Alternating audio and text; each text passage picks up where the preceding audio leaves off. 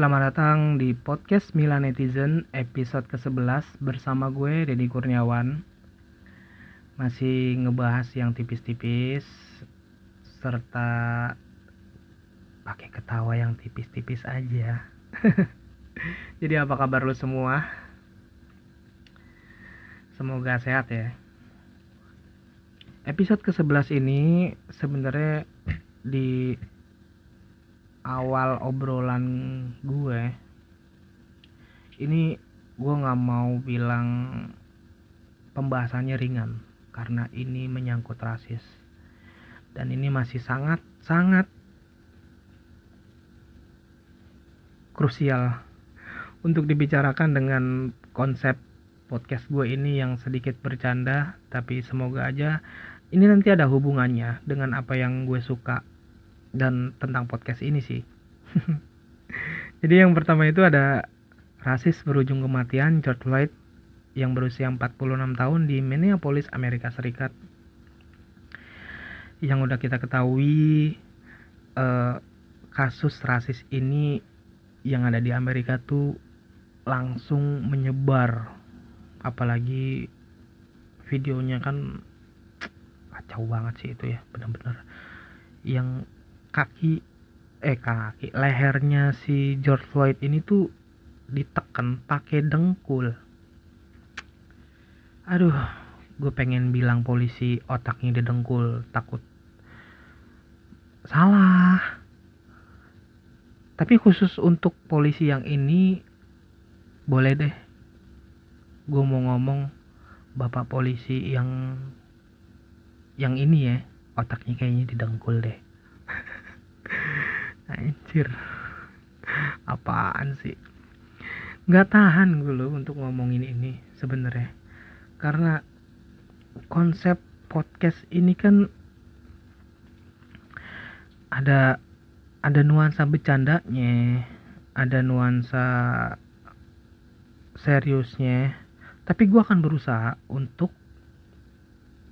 mm, menyeimbangkan antara bercanda dan serius dan rasis yang berujung kematian George Floyd yang berusia 46 tahun di Minneapolis, Amerika Serikat ini sebelum meninggal dia tuh masih sempat bilang kayak gini, aku tidak bisa bernapas. Aku tak bisa bernapas. Gokil ya. Itu tuh dia udah bilang kayak gitu loh, Pak. Kenapa masih ditekan gitu loh. Nih beredar kabar yang gue tahu. Ini semoga sih gue nggak salah ya untuk menyebutkan nama polisi yang merenggut nyawanya George Floyd ini. Itu namanya Derek Chauvin. Ya Derek Chauvin. Dan polisi atas nama Derek Chauvin yang neken lehernya George Floyd pakai dengkul ini masih ada rekannya. Ketiga rekannya Thomas Lane Tau Tau dan G. Alexander Queng. Gue bingung, ini nama polisi di Amerika kok kayak gini sih? ya Allah, susah banget ke Amerika. Nggak usah ke Amerika deh. Ke Kotu deh, ke Kotu. Beli kopi hitam. Ya Allah, susah lagi kayak gini. Dan lebih parahnya lagi nih ya, sebelum George Floyd meninggal itu berulang kali memberitahu polisi bahwa dia tidak ber, tidak bisa bernapas. Di mana dia tuh berulang kali dengan kalimat tolong dan mama. Uh. Dia tuh udah berkali-kali minta tolong dan mama-mama. Berusaha pria besar berusia 46 tahun masih bisa nyebut mama tuh bersyukur deh kalau misalkan lu yang dengerin podcast ini masih punya nyokap yang berusia 46 tahun. Uh. Emang bener-bener mama deh. Dan tewasnya George Floyd ini di tangan Derek Chauvin memunculkan kecaman dan kemarahan yang dikaitkan dengan kebrutalan penegak hukum terhadap kulit hitam. Dan seluruh media sosial yang gue lihat terutama di Instagram itu menggunakan tagar Black Lives Matter. Ya semoga gue nggak salah menyebutnya. Karena bahasa Inggris gue nol minus lagi. Aduh ya Allah. Jadi tentang kasus George Floyd ini tuh yang rame banget diperbincangan di Instagram, di YouTube, di Facebook bahkan ini tuh parah parah banget sih. Jadi ketika gue ngedengerin kok ngedengerin ngebaca membaca sebuah artikel tentang George Floyd ini kasusnya George Floyd ini tiba-tiba gue langsung keinget dengan kasus yang sama di tahun 2013 jadi inget kasus rasisnya pemain AC Milan di tahun 2013 Kevin Prince Boateng. Semoga lu yang mendengarin podcast gue ini uh, ada yang sebagai AC Milan atau suka bola semoga lo tahu Kevin Prince Boateng ini ketika masih di AC Milan waktu itu AC Milan lagi laga persahabatan nih bertandang ke Stadio Carlos Peroni di Busto Arsizio. Arsizio. Pada hari Kamis 3 Juan 3 Januari 2013 hmm, oke semoga gue nggak salah. Karena ini gue masih ingat banget. Maksudnya tuh inget dengan kejadian rasisnya Kevin Prince Boateng. Namanya manusia. Kalau nggak diingetin sama artikel cari-cari artikel di Google lo nggak bakalan inget. Tapi dengan kasus ini ketika kasusnya Kevin Prince Boateng di tahun 2013 ini bersama AC Milan menjalani pertandingan melawan Aurora Pro Patria 1919 padahal lawannya adalah klub divisi keempat. Di bawahnya seri A, di bawahnya seri B, di bawahnya seri C. Nah, tuh. Liga Tarkamnya lah kayaknya tapi ini kandang Aurora Pro Patria itu emang kecil sih interaksi antara pemain dan supporter tuh bisa seintim saling menatap mata satu sama lain. Jadi antara pemain yang di lapangan sama yang di stadion di tribun itu deket banget. Sama halnya kayak lu ngelihat Liga Inggris dah deket banget kan ya? Kayak gitu dah. Jadi kejadiannya itu pada menit 26 ketika itu Boateng Boateng yang sedang menggiring bola berhenti seketika. Ia memungut bola, membalikan badan dan menendang bola ke tribun pada saat itu. Di uh, sebelah sebelah kiri di gawangnya AC Milan atau sebelah kanan gawangnya musuh di Pro Patria jadi sasarannya itu para pendukungnya Propatria yang menirukan suara monyet saat itu menguasai bola loh. Setiap kali Boateng megang bola tuh disorakin. Setiap pergerakannya Boateng yang menurut dia harus dicengin, eh kok dicengin. Tapi ini uh, kalimat ceng ceng ceng ceng cengan ceng cengan gitu sama rasis nanti gue bakalan ngobrolin sedikit ya nantilah nanti kita bahas untuk pada saat itu nih ya, yang memimpin antara AC Milan dan Pro Patria itu Dario Alberto Polverini yang menghentikan laga untuk sementara karena para pemain tuh berusaha memenangkan menenangkan Boateng yang lagi emosi banget, emosi parah, lebih-lebih putus dari pacar, lebih-lebih eh, nggak -lebih, punya duit, lebih-lebih marahnya ngelihat orang bisa nongkrong tapi yang marah-marah ini melakukan di rumah aja. Ya Allah. Jadi ini Boateng ini sama sekali nggak peduli apa yang dilakuin dengan uh, pelatih. Eh kok pelatih wasit maksud gue wasit. Boateng tuh langsung ngambil sikap aja gitu untuk meninggalin lapangan. Langsung cabut cuman marah-marah sebentar terus langsung cabut. Ya ketika itu kan Boateng tuh lagi gacor-gacornya lah di AC Milan.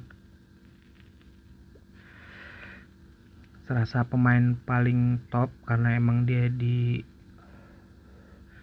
diunggulkan. Ya pokoknya begitulah. Ketika itu meninggal si Boateng ini ninggalin lapangan dan dia kira pas dia masuk ke ruang ganti nih yang dia kan yang pertama ninggalin ninggalin lapangan terus masuk ke ruang ganti dia tuh langsung kayak ngelihat satu-satu pemain yang ada di lapangan pada saat itu tuh antara AC Milan dan Pro Patria tuh lah kok lu ngapain ngikutin gue? Gitu loh maksud gue. Kro, uh, analoginya kayak gitu loh. Udah lu main-main aja tapi dia tuh langsung kaget lah. Kok? Dan dia kayak bangga aja gitu. Jadi tindakan rasis ini uh, kayak ngasih respon apa yang dilakukan sama si Boateng ini. Kevin Prince Boateng ya. Ngikutin dia ke semuanya. Jadi ketika dari lapangan insiden rasis itu terjadi Kevin Prince Boateng marah-marah sebentar untuk menenangkan hampir seluruh pemain dan staff AC Milan eh staff yang ada di lapangan termasuk pemain Pro Patria jadi kalau lu penasaran, coba aja cek di YouTube Pro Patria versus AC Milan. Itu di tahun 2013. Dan gue ada yang bikin gue tuh keren. Ini tindakan kerennya dia. Sebuah artikel yang menyebutkan ketika itu begitu begitu Boateng marah langsung cabut bersama pemain AC Milan dan sebagainya itu cabut dari Pro Patria itu nggak langsung pulang nggak langsung ngedumel nggak langsung curhat tentang kejadian dan nggak ada yang nenangin apa yang dilakukan Boateng pada saat itu? Jailah gue kayak pakar sepak bola aja ini yang gue seneng dilakukan sama Boateng yaitu adalah dia ngajak satu rekan satu timnya itu berlatih. Coba lu bayangin, lu lagi kena rasis nih. Kena rasis nih, ngelebihin orang diceng-cengin cuman dikatain dikatain nama orang tua atau dikatain kembalian micin lebih lebih dari itu tapi yang dilakukan Boateng adalah dia setelah cabut dari Propatria dia langsung balik berlatih bareng rekan-rekannya. Dan dia ngajak satu satu rekannya itu satu tim AC Milan tuh berlari. Lari gitu latihan lari biasa. Buat nawa biar biar nggak emosi kayaknya. Mungkin kalau gue emosi ngacak-ngacak tong sampah kali gue. Aduh ya Allah. Jadi selain Kevin Prince Boateng itu juga kan ada masih banyak lagi. Ada beberapa pemain yang pada saat itu kena rasis. Kalau lu masih inget nih yang Milanisti nih atau fans bola lainnya Kevin Constant dan Mario Balotelli. Um, ini nih, ini anak, sih ini anak. Seumuran sama gue. Ini bocah tuh waktu memperkuat AC Milan tuh waktu itu Mario Balotelli masih mengenakan jersey AC Milan. Wih. Waktu itu dia lawan Napoli di stadion San, San Paulo Napoli. Kandang Napoli pada tanggal 9 Februari 2014 tepatnya satu tahun kemudian yang kejadiannya Kevin Prince Boateng setelah setelah nggak lama ya gue tambahin ketika itu nggak lama kemudian soal rasis ini si Boateng cabut dari Milan ke Schalke. Padahal dia baru ganti nomor loh dari 27 ke 10 aja ya emang ini balik lagi soal kasus rasisnya Balotelli ketika itu memperkuat AC Milan kala dijamu Napoli di Stadion San Paolo pada 9 Februari 2014 yang lagi-lagi supporter tuan rumah melancarkan serangan rasial terhadap Mario Balotelli. Wah. Ini tuh ngeri banget sih ya. Sumpah loh. Gue nggak pernah yang yang ceng-cengan sama orang tuh bikin orang sampai nangis tapi ini ceritanya Balotelli cerita kasus rasisnya Balotelli di AC Milan ketika itu dan pelatih Rossoneri pada saat itu legendanya AC Milan Clarence Seedorf bahkan ya bahkan narik Balotelli cuma gara-gara dia tuh kasihan nggak tega gitu ngelatin Balotelli nangis di lapangan. Begitu cabut di ditarik gantiin uh, Giampaolo Pazzini uh, di babak kedua lo nggak salah. Itu diganti sama Giampaolo Pazzini. Pokoknya di menit 70-an gitu deh ditarik sama Pazzini. Itu di bangku cadangan tuh ya Balotelli tuh nangis loh waktu lawan Napoli. Udah kalah kalah loh waktu itu AC Milan di kandangnya Napoli 3-1 3-1 coba bayangin udah kalah AC Milan udah kalah di kandangnya Napoli. Terus Balotelli kena rasis dikatain yang yang gitu-gitu deh. Kan lu udah menang sama AC Milan kenapa rasis sih? Gak usah rasis lu udah dapet 3 poin. Lu menang 1-0 aja udah 3 poin Pol Pol. Napoli. Kayak enak banget Pol. Apalagi Nap ya elah Li. Napoli ketika itu Balotelli itu ngomong kayak gini, saya menerima kritikan profesional, tetapi satu-satunya yang mengganggu saya adalah rasisme. Hmm. Bukan hanya pada saat uh, waktu di AC Milan. Dan ternyata begitu dia cabut dari AC Milan ke Nice Nice ya di Liga Prancis gitu dia juga sempet Nice dulu apa Marcel dulu sih? Kayaknya sih dapat rasisnya tuh waktu di Nice gitu deh. Dia juga dapat rasis loh ternyata. Gila. Kacau emang tuh. Sebelum sebelum ke Nice kan dia sempet di Liverpool ya? Di Liverpool ya? Di Liverpool dulu. Tapi kayaknya di Liverpool dia mainnya jelek juga sih waktu di Liverpool kalah ya nggak usah ngebahas Liverpool lah kalau emang gue nggak tahu waktu dia di Liverpool nih Balotelli nih emang nih nggak cuman di AC Milan dan Nice. Nah, di tahun 2019 ini juga kejadian rasis kepada Mario Balotelli yang pada saat itu Balotelli eh, gabung sama klub Brescia. Kalau lu pada tahu di Liga Italia klub Brescia. Balotelli gabung ke klub Brescia. Saat itu Brescia lawannya Verona yang sama mendapatkan rasis gitu sih. Eh, gue mah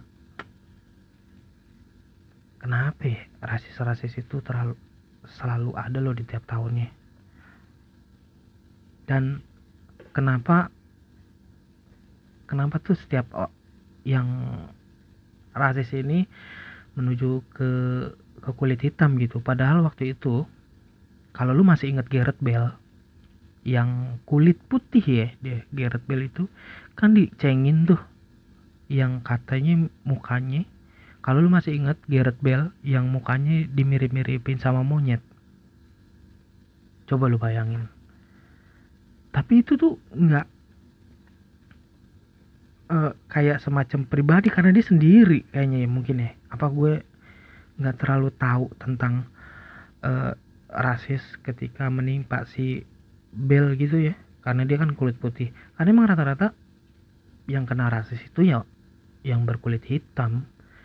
Yang di awal gue ngomongin George Floyd yang menying uh, sampai meninggal gitu ya kan ih itu sih parah sih yang sampai dicekek.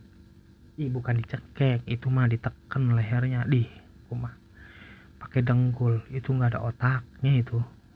Atau jangan-jangan pindah kali otaknya ke dengkul gitu ya. Saking beratnya. Gue nggak tahu nih berat otak itu berapa gram.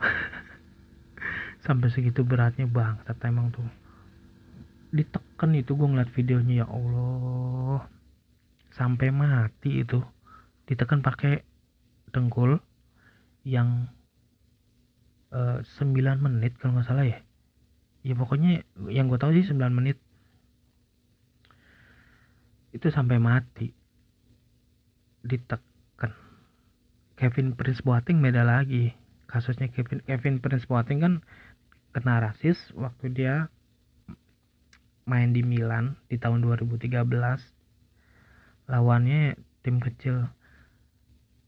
Dan katanya nih sampai sekarang sih kayaknya itu emang di Liga Italia itu rasisnya tuh masih berasa loh. Gue sempet denger podcast football yang soal sepak bola di Spotify gitu karena emang e, selain gue baca artikel dan gue harus ngedengerin beberapa podcaster yang ngebahas sepak bola. Karena gue juga suka bola dan gue juga Milanisti suka AC Milan gitu maksud gue. Ya kalau lu suka fans klub lain ya ya nggak apa-apa nggak masalah emang kenapa? Untuk menambah wawasan dong. Itu ngomongin beberapa yang kekuatan kulit hitam itu selalu di direndahkan diremehkan gitu.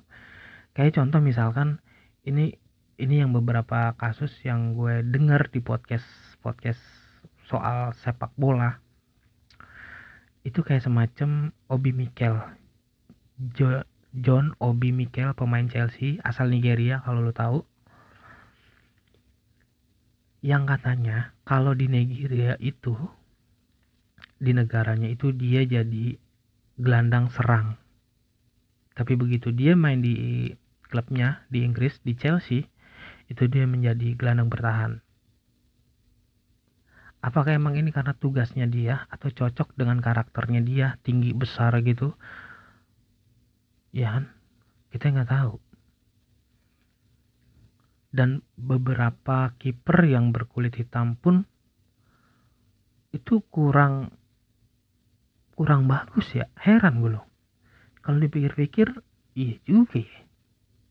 Kiper yang kulit hitam gitu gue taunya tuh cuman apa Steve Mandanda ya. Steve Mandanda sama kipernya Ayak Onana. Terus ya sama Nelson Ded Nelson Dida. Nelson Duda lagi. Nelson Dida itu kan campuran.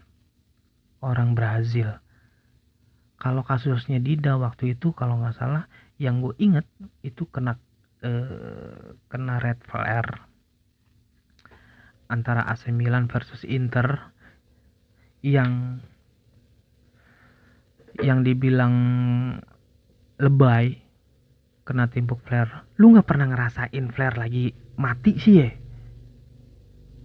Dia ngomong ini yang ngomong Nelson Dida kena flare itu alay lebay sampai jatuh-jatuh. Nih lu deketin atau lu lagi pas lagi nobar atau lu lagi ya pokoknya terserah red flare flare red flare. Insya Allah semoga lu tahu apa yang gue maksud red flare itu apa. Begitu ada orang yang nyalain red flare posisinya nyala ya terus lu timpuk nggak usah ditimpuk lu pegang aja tuh bekasnya. Tahan beberapa menit. Itu panas bro. Sumpah.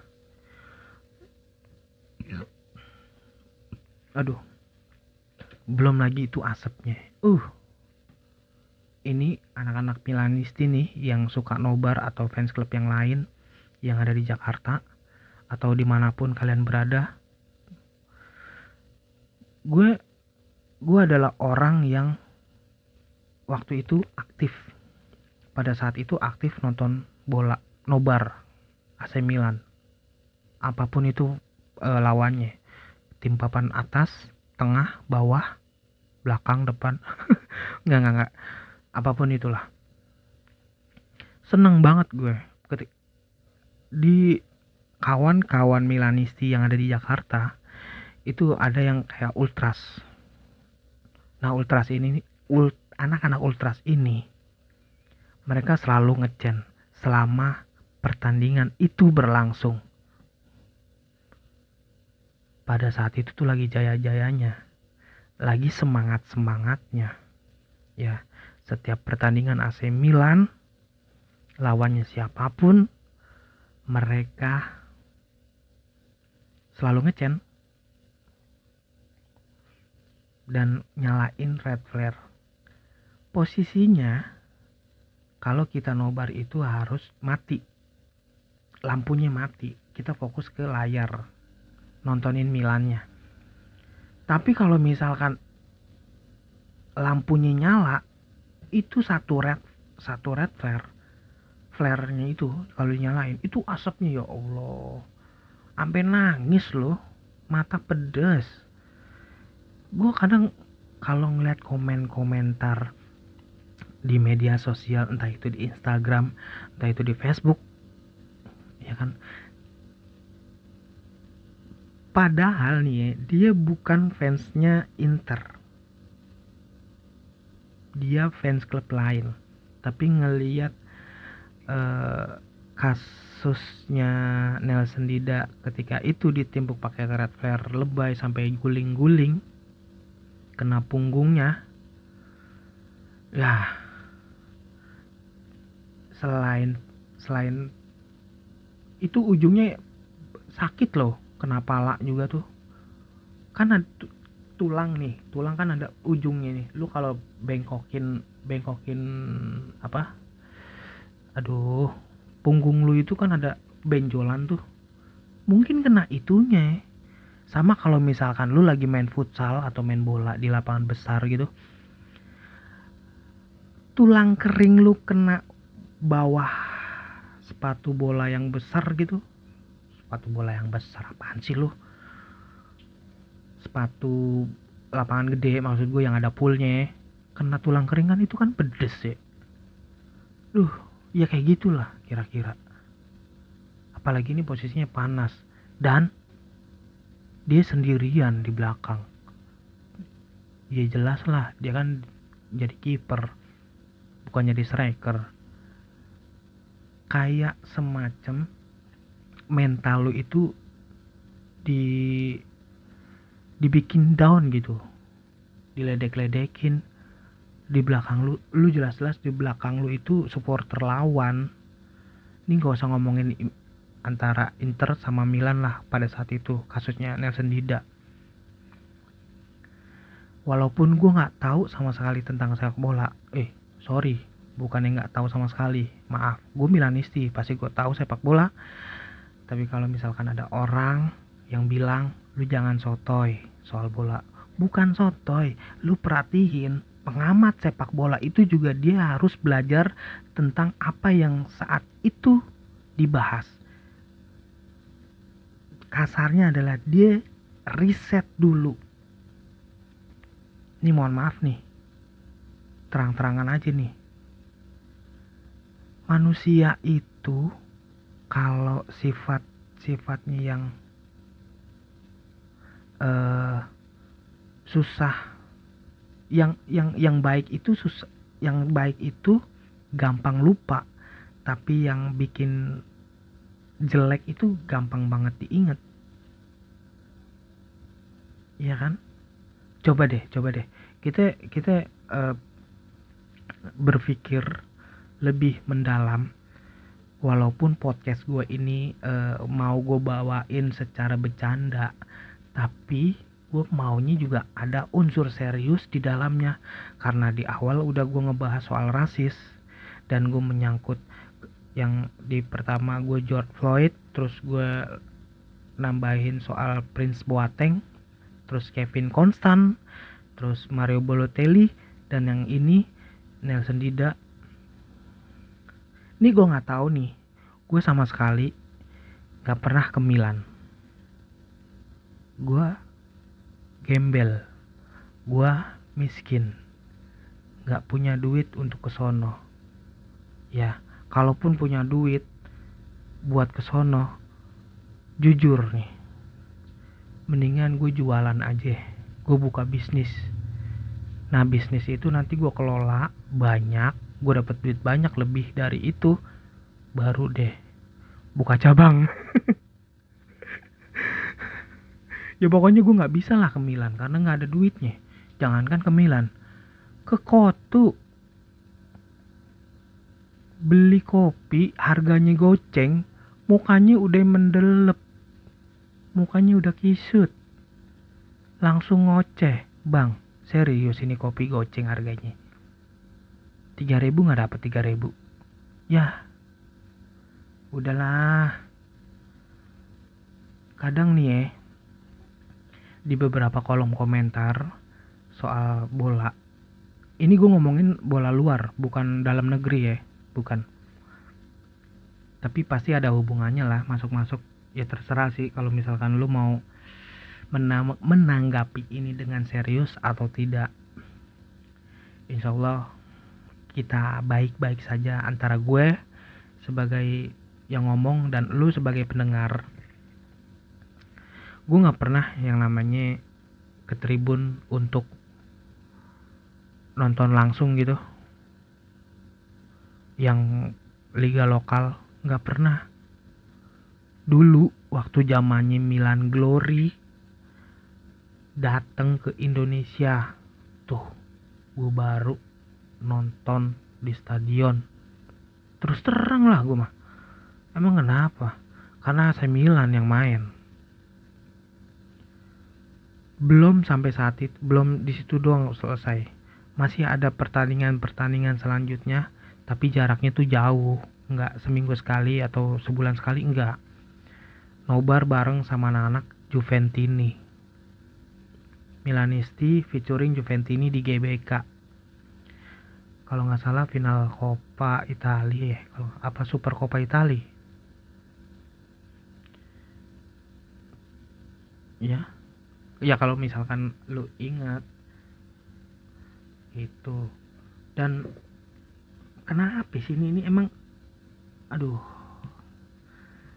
Gue gara-gara ngebaca banyak banget otak gue tuh terprogram tuh sedikit seperti kayak gini nih. Ini kan rasis ya. Gue kayaknya tuh kalau ngeceng-cengan sama temen gitu tuh gue takut loh. Jadinya kalau kayak gini. Lu ngerasa gak sih ceng-cengan ceng-cengan biasa kata-kataan. Ya gue nggak tahu dengan ceng-cengan uh, di daerah lu atau ceng-cengan lu dengan temen lu seperti apa. Tapi semoga aja kalau misalkan kita ceng-cengan itu nggak ada bermaksud untuk menghina. Eh tapi bener menghina tapi dengan lucon ketawa biar kita terhibur terhiburnya itu untuk siapa? Untuk kita berdua antara yang ngecengin dan dicengin? Atau terhibur untuk diri sendiri? Iya kalau terhibur untuk sendi diri sendiri bisa ngecengin orang banyak dapetnya yang moodnya enak. Yang nggak enak nih kalau misalkan kita ngecengin orang yang lagi nggak moodnya enak yang lagi nggak bagus nih moodnya. Tuh coba lu bayangin deh. Lu lagi ngecengin orang nih nah terus lu yang cengin itu moodnya lagi jelek. Habis ditagih utang. Atau nggak dapat kerjaan. Atau nggak dapat orderan GoFood. Atau nggak dapat orderan GrabFood. Ya kan? Lu cengin. Marah itu pasti. Biar kata itu temen lu. Temen lo ya. Ada orang beberapa orang yang menganggap teman ya temen kayak temen gak ada duitnya. Iya emang bener temen gak ada duitnya. Kalau soal urusan utang ya bayar. Ada orang dan beberapa orang itu temen ya udah gue cukup kenal doang. Ada tahapan lagi. Misalkan sahabat kawan ya kan? Seperti itulah untuk menganggap ini ini ya opini gue aja sih. Ya kalau misalkan bilang temen ya temen. Kawan kawan sahabat sahabat ada kayak semacam tingkatannya gitu kali ya mungkin ya. Gue ngecengin nih. Misalkan gue ngecengin temen gue yang sifatnya gue untuk hiburan ngecengin biar dia seneng tapi pas banget gue ngecengin di temen gue ini moodnya lagi nggak bagus bisa aja dong gue ribut nih sama orang. Cuman gara-gara cengan gue doang. Tapi kalau misalkan ceng-cengan gue ngeceng gue ngecengin temen gue ini dengan dia moodnya lagi bagus bisa aja dia ketawa. Bahkan dia bisa ngecengin gue balik. Dan gue bisa ketawa. Dan itu artinya kita menikmati ceng-cengannya bersama berdua atau bertiga atau bahkan banyak lebih dari itu. Iya dong. Setujunya lu atau enggak dengan omongan gue ini terserah. Karena lingkungan temen temen yang kita punya ya seperti itu. Kadang lagi bagus moodnya atau bahkan lu moodnya nggak bagus tapi maksain untuk ngecengin. Ini yang nanggepin cengan lu tuh ya biasa. Ya lu. Ya udahlah lu lagi posisinya ngambek atau marah nggak mood terus lu ngecengin gue. Puas puasin dah nggak apa-apa. Lu balikin dah mood lu biar kita bisa ceng-cengan lagi. Tuh. Itu di tahap sahabat. Mungkin bisa jadi. Ada seorang temen lebih bahkan bisa dibilang sahabat dia malah menawarkan diri untuk ngecengin. Dicengin maksud gue. Biar temennya ini atau sahabatnya ini bisa balik moodnya. Tapi cengan ceng-cengannya tuh yang yang yang bisa ketawa berdua. Karena ini ada hubungannya nih. Gue ngeri juga nih. Misalkan nih gue lagi nongkrong atau gue lagi nobar. Ya yeah, sama kawan-kawan Milanisti. Atau kawan gue yang di rumah. Ceng-cengan. Nih kok kondisinya nih gue lagi ngamut nih tapi tiba-tiba gue nya dicengin. Terus apakah gue marah beberapa orang itu bisa menahan marahnya. Tergantung seberapa dia berpikir ini hanya candaan loh. Atau bahkan sebelumnya gue pernah ngecengin dia. Karena di Indonesia emang kulturnya seperti itu. Biasanya ceng-cengan sesama temen. Bahkan nih eh semoga lu dengerin podcast gue ini ya ini penting banget. Karena ya semoga lu paham lah apa yang gue omongin nih. Misalkan gue ngomong bilang anjing lu. Gue ngomong ke teman gue anjing lu. Itu biasa ditanggepin. Ya.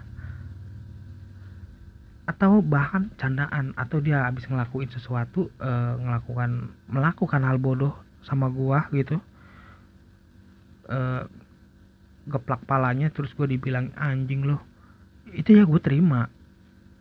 Tapi kalau misalkan gue ngomong anjing lo itu ke orang yang sama sekali nggak kenal responnya seperti apa? Beda ya. Pasti pasti gue digebukin pasti gue ditonjokin tapi sebelum ditonjokin sih pasti dia marah-marah dulu.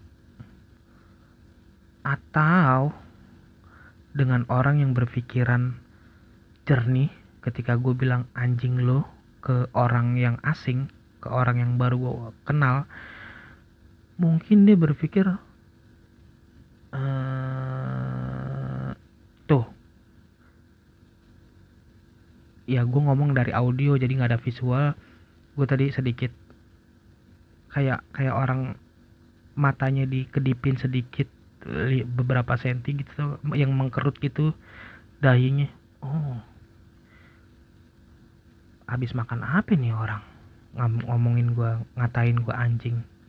Kan gitu. Jadi aneh. Tapi kalau orangnya emosian hmm. Hmm hmm, hmm. Begitu gue ngomong anjing lo ke orang yang baru gue kenal atau orang asing menganggapnya itu pasti lu mendingan ribut dulu aja deh sama gue. Kan gitu. Emang susah sih untuk uh, ngebedain ya orang awam lah. Apalagi rasis itu apa dan ceng-cengan ledekan-ledekan biasa itu kayak apa gitu. Kadang orang yang seperti pemikirannya seperti itu untuk membedakan rasis terus sama ceng-cengan lebih luas maknanya. Ya berarti dia lebih dewasa dong untuk menanggapi hal ini.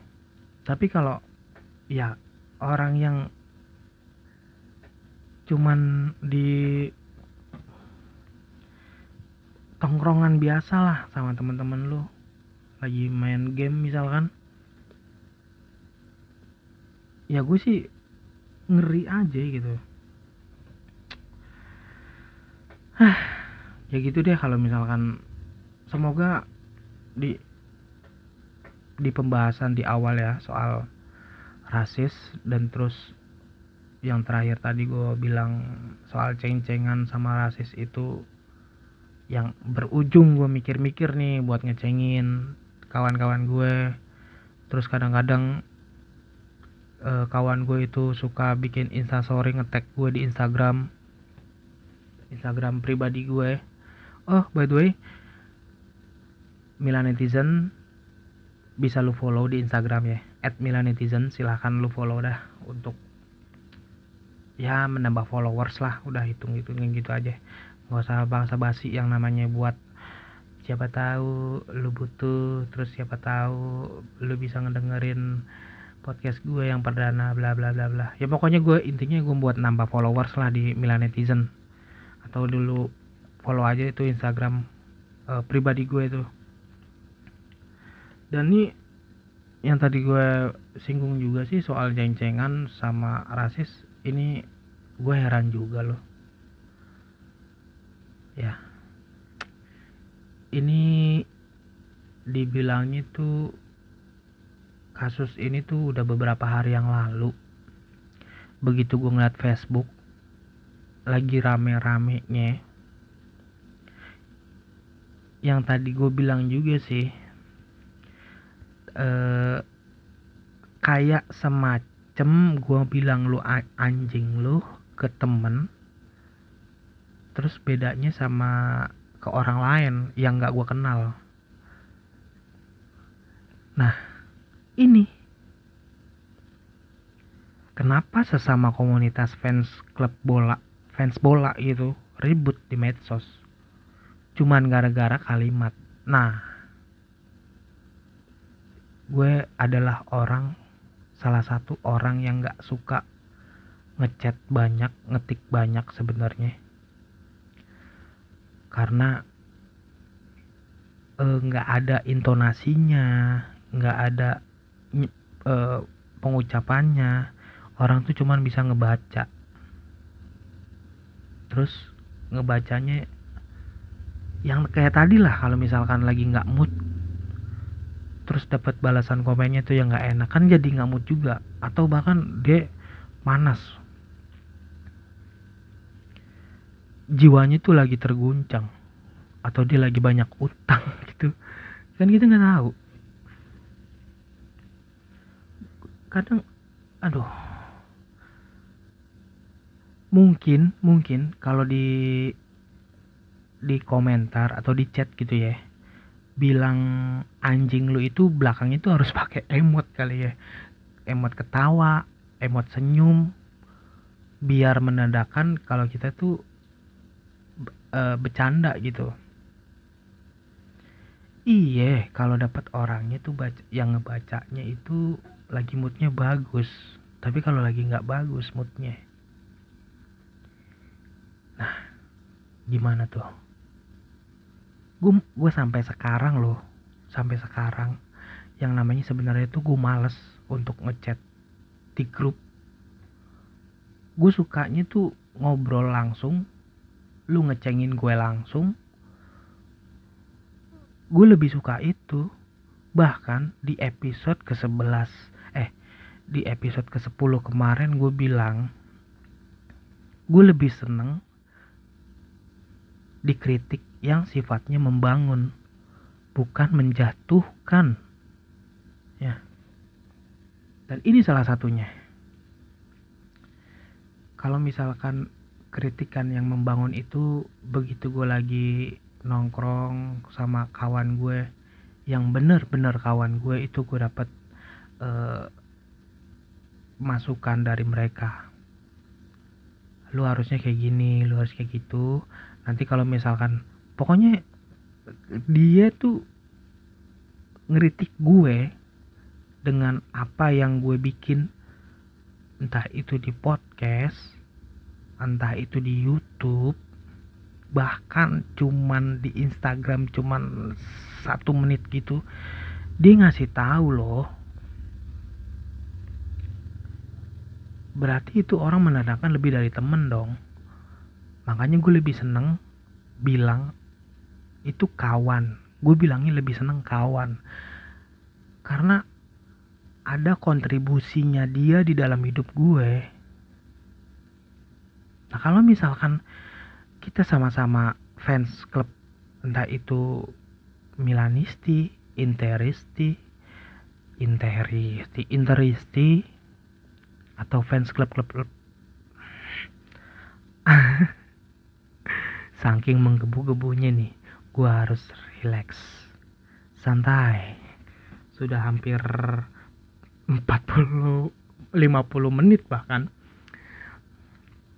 ah gila. Gila gila gila. Hampir satu jam. Insya Allah gue bakalan selesaiin podcast ini satu jam. Uh mantap. Oke. Okay. gue jadi lupa bangsat bangsat. Oh iya. Yeah. gue lebih seneng bilang kawan karena dia berkontribusi dalam hidup gue nggak usah banyak sedikit pun sedikit pun itu bisa berarti buat gue.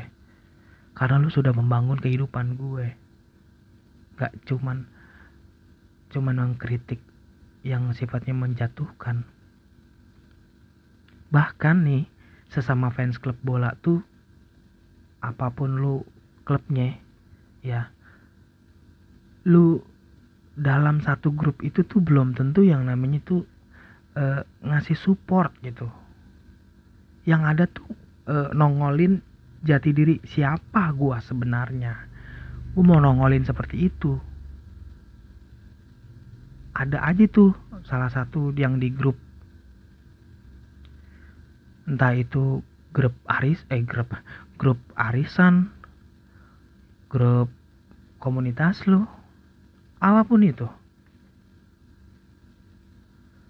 kan lu lagi ada di titik di mana lu butuh uh, kritik saran yang membangun sebuah hmm,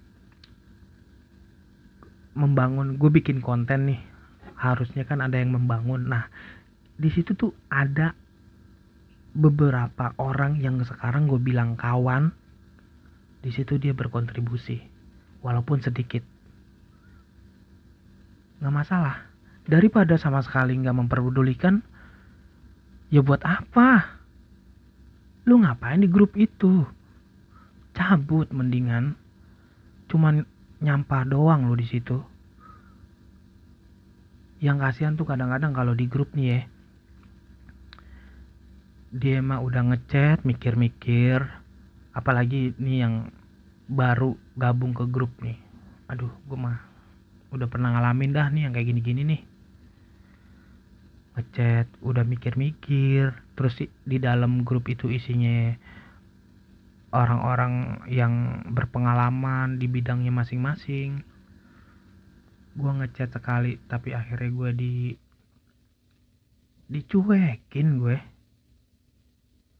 Gue tungguin oh mungkin mungkin pada sibuk. Oh iya iya ya udah ya udah mungkin pada sibuk satu jam dua jam tiga jam. Oh ketiduran mungkin. Iya nih ketiduran. Lima jam enam jam. Hmm habis makan nanti habis makan. Pasti ada yang nongol. Sampai tiga hari itu. Tiga hari chat gue. Eh dibalas ih gue cek dong HP gue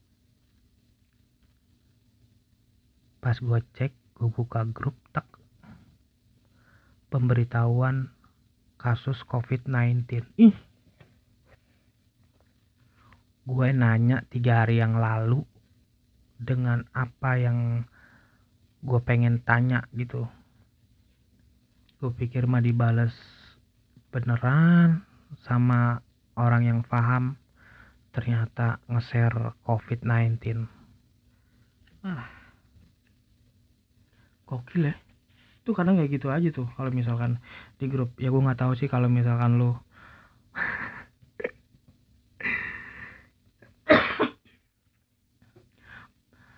gue waktu itu tuh cuman pengen tahu. Gue tuh pengen pengen bikin podcast. Karena kan podcast itu juga bentuk dari sebuah karya seni untuk berbicara. Terserah buat nanti eh, pengembangan diri lu untuk berbicara misalkan. Ngomong gitu. Entah itu salah satu di grup itu bisa jadi partner lu atau cuman sekedar uh, bercerita ngobrol curhat di satu episode doang. Ya nggak masalah kan cuman tentuin dulu konsepnya mau ngomongin apa ngebahas apa kan enak. Yang di podcast episode ke 9 kalau nggak salah lu bisa dengerin. Itu gue pernah bilang sih uh, ini ada kawan gue yang bener-bener mau mau ngebantu gue untuk hal ini. Tapi karena berhubung gue ngerasa orangnya yang ada gue tuh orangnya juga nggak enakan. Gue takutnya tuh uh, gimana sih kalau misalkan lu biasa sendiri? Ya walaupun gue udah gue pahitin dulu ini nggak ada duitnya loh gitu. Tapi gue seneng loh komentarnya dia ini kawan gue loh. Dia bilang gue nggak nyari adsense gue nyari ilmu. Wih anjing ini adalah salah, salah satu kawan gue yang kemarin sempet main di daerah Depok Sawangan tuh. Nanti bakalan gue ceritain atau gue bakalan collab sama kawan-kawan gue itu yang yang gue bilang ini grup gue yang ngasih gue saran yang ngasih gue kritik yang sifatnya membangun. Di situlah gue harus bisa berkembang bersama mereka walaupun pada jauh-jauh rumahnya. Yang deket cuma di Palmerah. Gue di kebun jeruk di Palmerah. Yang paling jauh ya di Depok.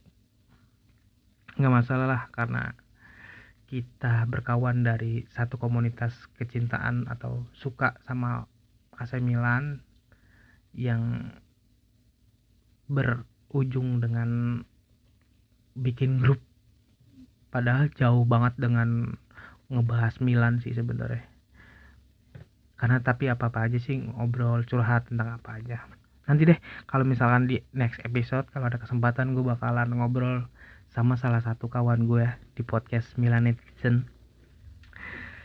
Dan emang gitu sih ya untuk di beberapa kesempatan untuk buat bikin podcast ini tuh susah nyari waktunya apalagi gue udah bilang ke mereka ke kawan gue ini gue cuman pakai mic.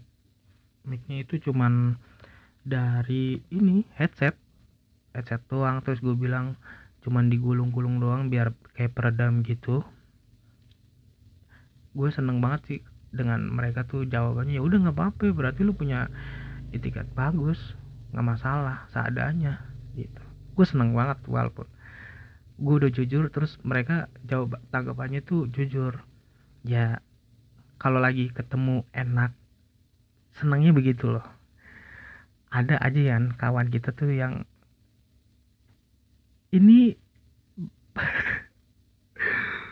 beragam beragam otak isi otak masing-masing kita itu yang di grup tuh lucu-lucu sih sebenarnya.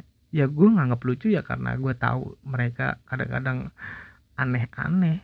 Ya nggak tahu kalau misalkan lu di grup lu entah di luar komunitas atau di dalam komunitas yang bikin grup sendiri itu kan ada kan ada aja tuh yang ini ngeselin nih orang nih kan gitu. Ada aja yang berlaga pego terus ada aja yang sifatnya uh, cabul misalnya ya pokoknya macem-macem dah nggak usah banyak. Punya kawan itu nggak usah banyak. Yang penting mereka ngerti apa yang uh, pada saat kita butuhkan satu sama lain. Nggak hanya gue begitu butuh mereka tapi mereka juga butuh kita untuk didengar. Mereka butuh support. Kita bertujuh itu butuh support satu sama lain ya semoga aja lu yang mendengarkan podcast gua ini juga butuh sama lo. Gue juga sama bang kayak lu. Di grup gue ini cuma ada empat orang doang dan kita berempat itu uh, kasih semangat kasih support satu sama lain. Nah ya bagus berarti kita sama walaupun ya beda grup maksud gue ya nggak masalah kan? Ya gue banyak kawan sesama sesama Milanisti. Tapi kan bukan berarti gue harus akrab sama mereka dong. Gue cuma tahu oh lu Milanisti ya udah kita Milanisti. Yuk kita nobar di sini di sini di sini. Kan gitu doang. Nggak yang sampai sedekat ini. Karena menjadi uh, pertama kenal terus jadi temen terus jadi sahabat terus jadi kawan bahkan melebihi itu dari saudara mungkin. Itu kan butuh proses. Nggak yang apa yang gue bilang itu selamanya benar tapi karena beberapa orang harusnya sih seperti itu mengalami seperti itu juga. Jadi udah satu jam gue ngomong bla bla bla bla. Terima kasih ya buat lo yang mendengarkan podcast Milan Citizen gue dari Kurniawan pamit